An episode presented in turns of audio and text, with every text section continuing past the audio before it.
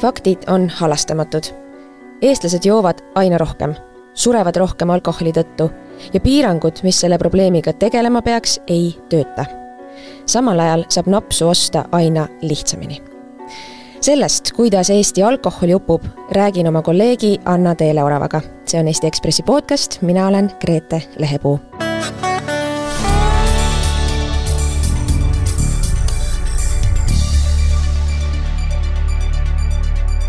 Anna Teele, tere tulemast podcasti! tere! me salvestame seda reedel ja mis sa arvad, kui suur on tõenäosus, et kui inimesed seda kuulavad, ilmselt nüüd laupäeval, pühapäeval,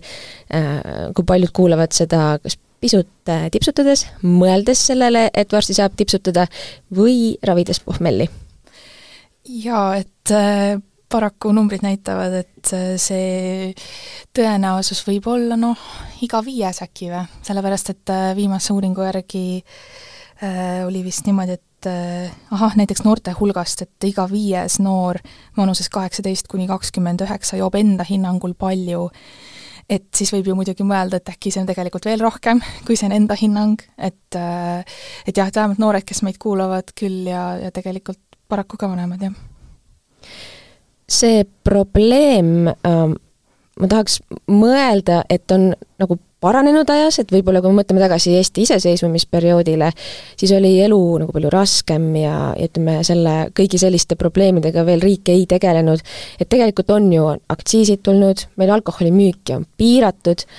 aga ometi läheb vist pilt ikkagi hullemaks. mis ajaperioodist me räägime praegu, kui me räägime sellest, et asi on hull? Me räägime hästi selgelt alates sellest ajast, kui aktsiisi langetati. et äh,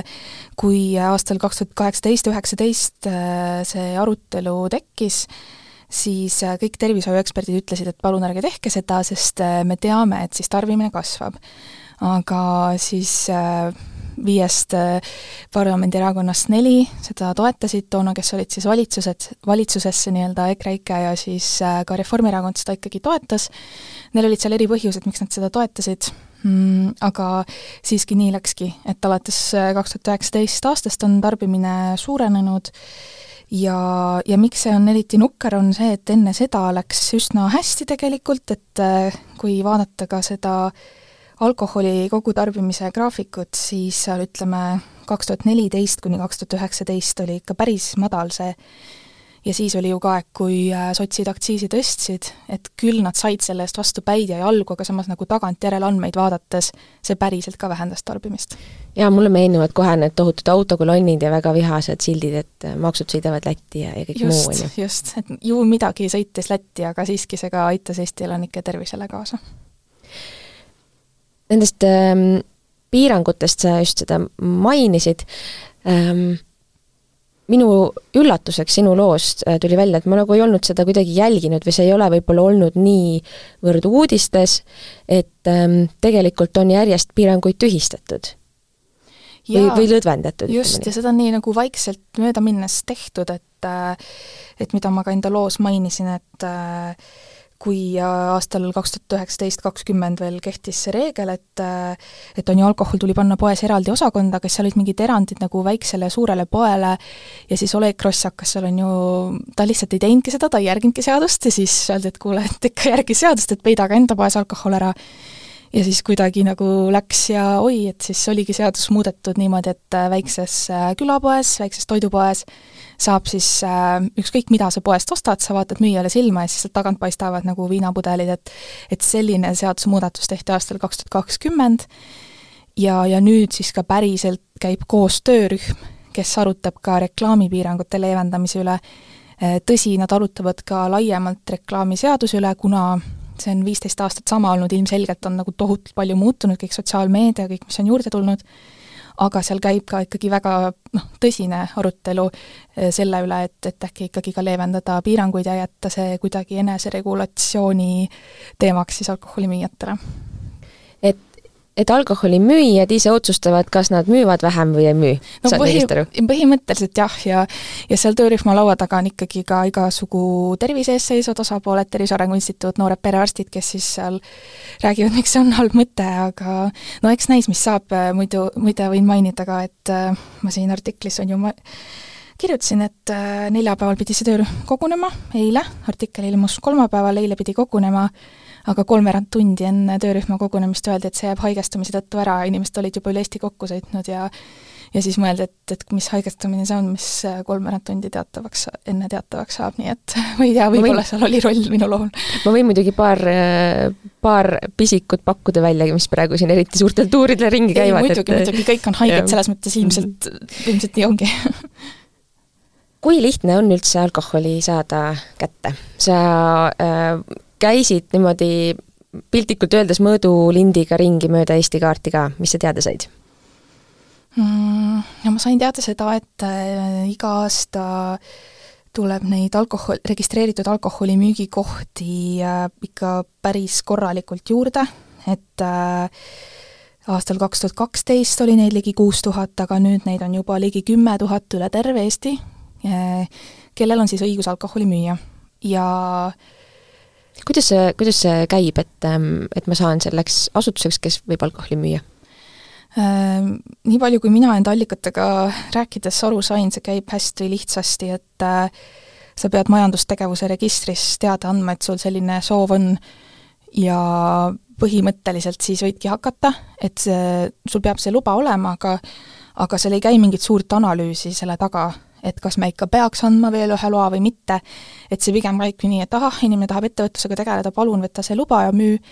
ja see ongi viinud selleni, et näiteks kümme aastat tagasi seitsekümmend protsenti eestlastest sai enda kodust lähimasse alkomüügi kohta kümne minutiga, aga nüüd see on juba üheksakümmend protsenti eestlastest, sealhulgas on ju ka need, kes elavad kuskil nii-öelda pärapõrgus, on ju, et kui nad tahavad, nad saavad kas või siis autosse istudes kümne minutiga sinna kohta, kus neile müüakse alkoholi kui palju äh, saavad teha ära kohalikud omavalitsused? ma mõtlen, et ähm, siis, kui oli, äh, oli koroonapandeemia eriolukord, siis pandi ka, noh, siis oli väga, muidugi meil igasuguseid liikumispiiranguid ja baarid niikuinii olid kinni, aga ähm, sellest ajast enam-vähem on tegelikult ju Tallinnas jäänud see, et kella kolmest öösel ei müüda alkoholi mitte kuskil jaa äh,, Tallinn on isegi üsna eeskujulik siin äh,, seda tõi ka Tervise Arengu Instituut välja, muidugi see on väga mõistetav, sest Tallinn on Eesti suurim linn ja siin on see ööelu lihtsalt märksa sellisem vilksam kui muudes linnades, et äh, Tallinn on need piirangud ise kehtestanud ja ka Pärnu kehtestas need esimest korda eelmisel aastal. Eh, teised linnad kusjuures ei ole, mis tuli mulle üllatusena, võib-olla seepärast ma elan Tallinnas ja ma olen nagu harjunud selle keskselt mõtlema,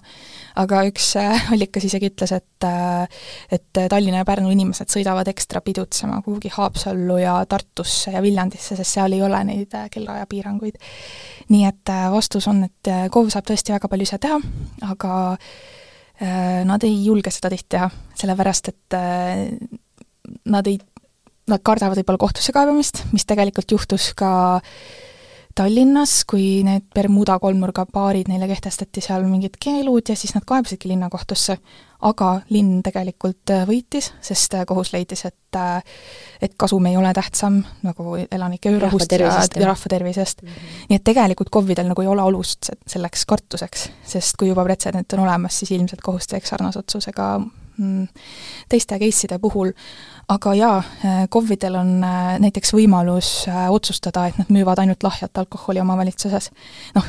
paraku ma ei usu, et see Eestis juhtub, aga lihtsalt see, see näide, et see võimalus on ja et nad saavad tegelikult ise piirata, kui nad tahavad küll, jah. kas, ma ei tea, Haapsalu saaks kehtestada viinamaksu? Maksu, vot, vot siin ma jään vastuse võlgu mm, -hmm. palju meil üldse on kohalike omavalitsuste mingi erimaks? ega ei olegi? ei olegi pigem jah, vot et, et siin ma arvan, et maksu ei saa, aga jah, piiranguid küll mm. -hmm mille pärast terviseeksperdid veel mures on mm,? No Maris Essega, kui ma suhtlesin, siis ta ütles, et ükski rahvas ei ole ennast rikkaks joonud, et äh, see niimoodi ei käi, et alkoholiga ikkagi kaasnevad nagu tohutud sotsiaalsed kahjud, et äh, ja kuna meil viiendat aastat järjest äh, suureneb otseselt alkoholist põhjustatud surmade arv ja eelmine aasta see tegi äh, see oli vist viimaste aastakümnete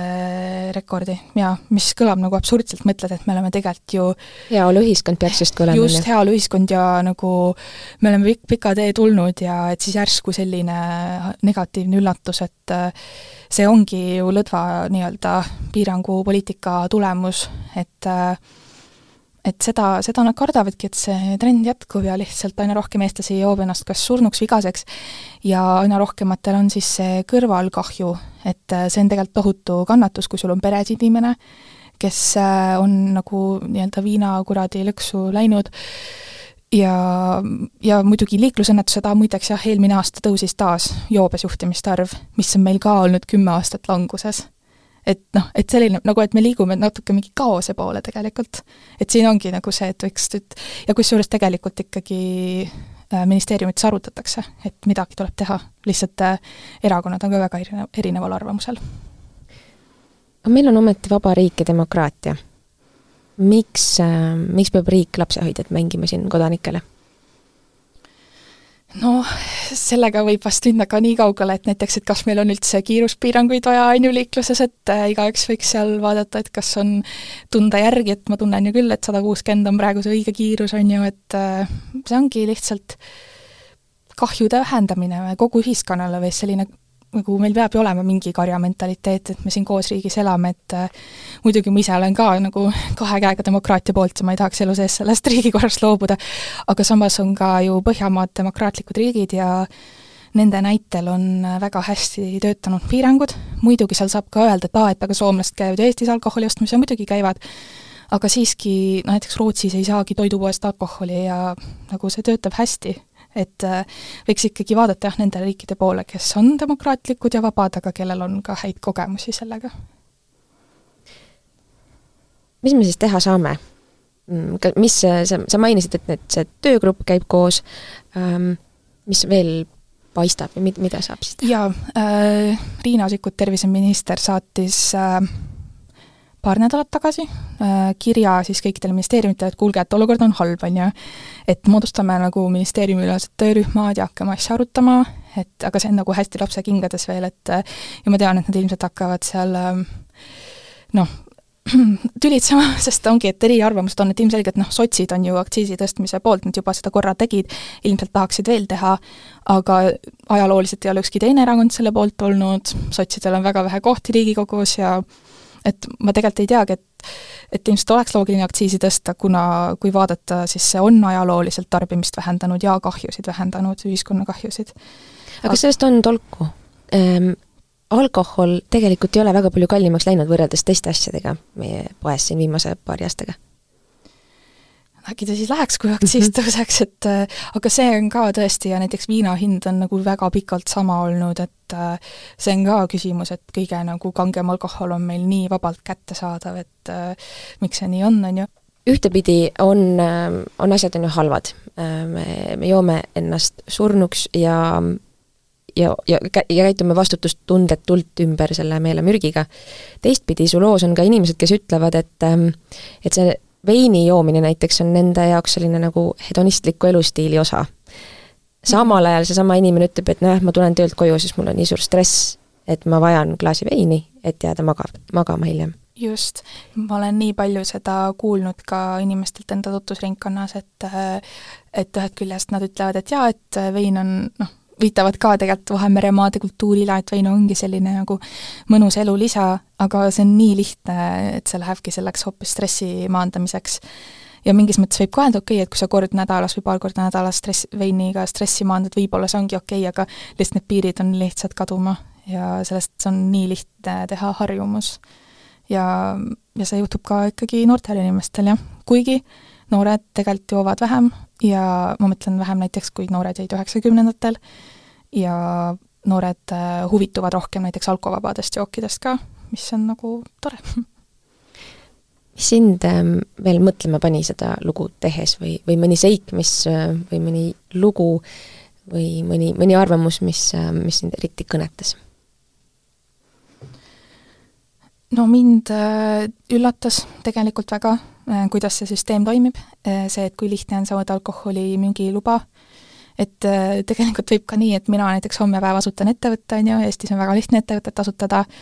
ja siis ülehomme ma esitan alkoholi selle müügiloa taotluse ja võib-olla üle-ülehomme ma ostan juba kasti mingit hulgilaost mingit kangemat ja hakkan seda, ma ei tea, enda kodu ees müüma või noh, et selles suhtes, et see on nii lihtne. ja ma saan aru, see ongi nagu Eesti selline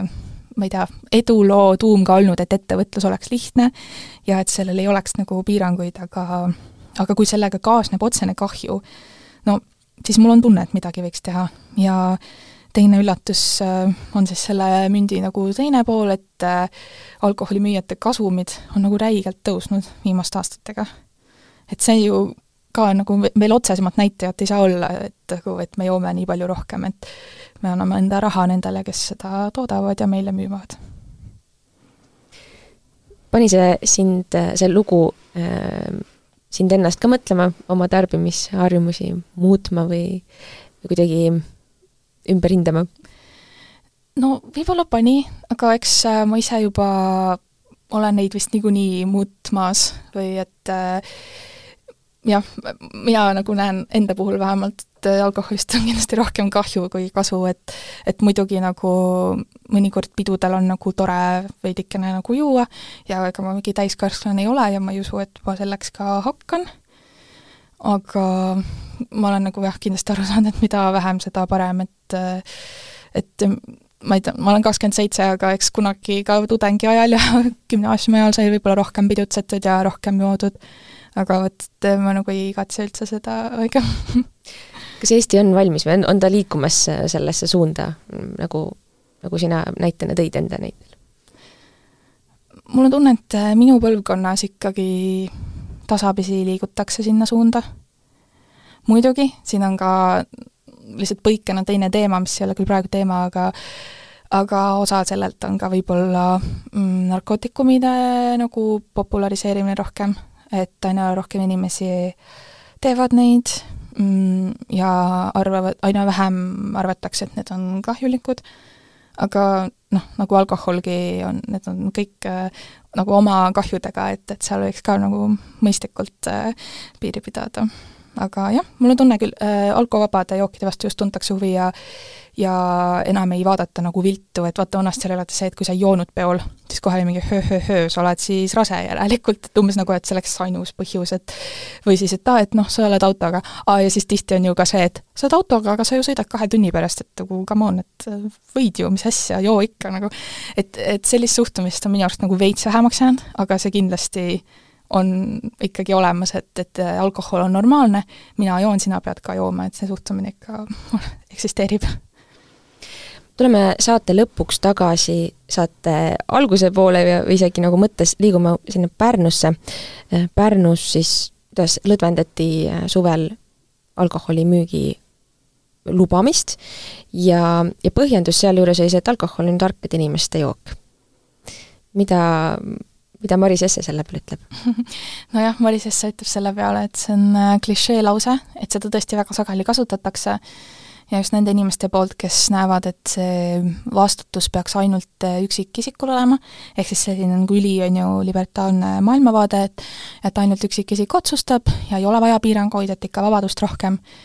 aga selle mündi teine külg, nagu ka Jesse välja tõi, ongi see, et et alkoholi olemuses on enesekontrolli kaotamine, et sa ei saa võidelda selle keemilise efekti vastu, mida alkohol sinu kehaga teeb. ja väga paljudel inimestel on see geen, et nad jäävad lihtsamini sõltuvusse. ja see on ka midagi nagu, me ei saa neid süüdistada, et neil see geen on, et nad jäävad sõltuvusse, et alkohol neil seda kontrolli vähendab, nii et selles mõttes alkohol ei ole tarkade inimeste jook, et et nendel inimestel lihtsalt on väga vedanud, kes suudavad seda kontrolli ise, iseendal nagu pidada ja ja kelles, kes ei jää sõltuvusse, sellist vedamise küsimus, ma ütleks. jaa, võib-olla mõte, mis võib-olla siit kõlama võiks jääda, ongi see, et ühelt, ühelt poolt jaa, me, me võib-olla ettevõtluse, ettevõtlusele hoo juurde andmise, andmisega saame mingisugust tulu, aga pikas perspektiivis me lõikame endale mitmesse näppu korraga sellega just, sellepärast et see maksutulu, mida need siis alkoholitootjad riigile annavad, ei kompenseeri kindlasti üle seda kogu kahju, mis alkoholist ühiskonnale sünnib, kõik kaotatud eluaastad, kaotatud töövõime, vaimne tervis ja nii edasi. Need on kümned miljonid eurod aastas? täpselt nii. aitäh, Anna, teile ähm,! Pisut, pisut nukker oli see meie arutelu siin täna, aga see on Eesti elu üks külgedest. see on Eesti elu üks külgedest jah, ja ma loodan, et need, kes seda saadet kuulavad, äh, mõtlevad ka nädalavahetusel oma tarbimise peale natuke teadlikumalt. aga võib-olla äh, positiivsemalt lõpetades, soovita mõni, mõni tore lugu viimasest lehest, kas sulle äh, jaa ja., minule meeldis Märt Belkini kirja pandud ja veidi meie ühist kambana sündinud lugu siis äh, sellest, et äh, kõik asjad, mis pidid Eestis elu ära lõpetama, aga tegelikult ei lõpetanud. ehk siis äh, see on hea lugu, mis näitab, et et kõik see paanika, mis ühiskonnas tekib mingite uute asjade puhul, tagantjärele vaadates on enamjaolt täiesti õigustamatu ja lihtsalt inimesed ei oska muutustega harjuda ja enamjaolt läheb elu nagu täiesti ilusti edasi, et äh, isegi kui legaliseeritakse samasooliste abielud, alguses on palju kära, aga nagu mis tegelikult on ju, me kõik elame täpselt samamoodi edasi. Äh, ja isegi NATO baaside vastu alguses tohutult võideldi, on ju, aga mis tegelikult noh, et kõik on parem, on ju, et et äh, jah, et soovitan seda lugeda neil, kes tahaksid võib-olla natuke tasakaalu ja positiivsust enda nädalavahetusse aitäh sulle veel kord ja Ekspressi podcasti saate ikkagi ikka ja alati kuulata Delfi taskust, Apple'i podcasti rakendusest, kõikvõimalikest aukudest ja urgastest, kust podcast'e leiab. kohtume taas järgmisel nädalal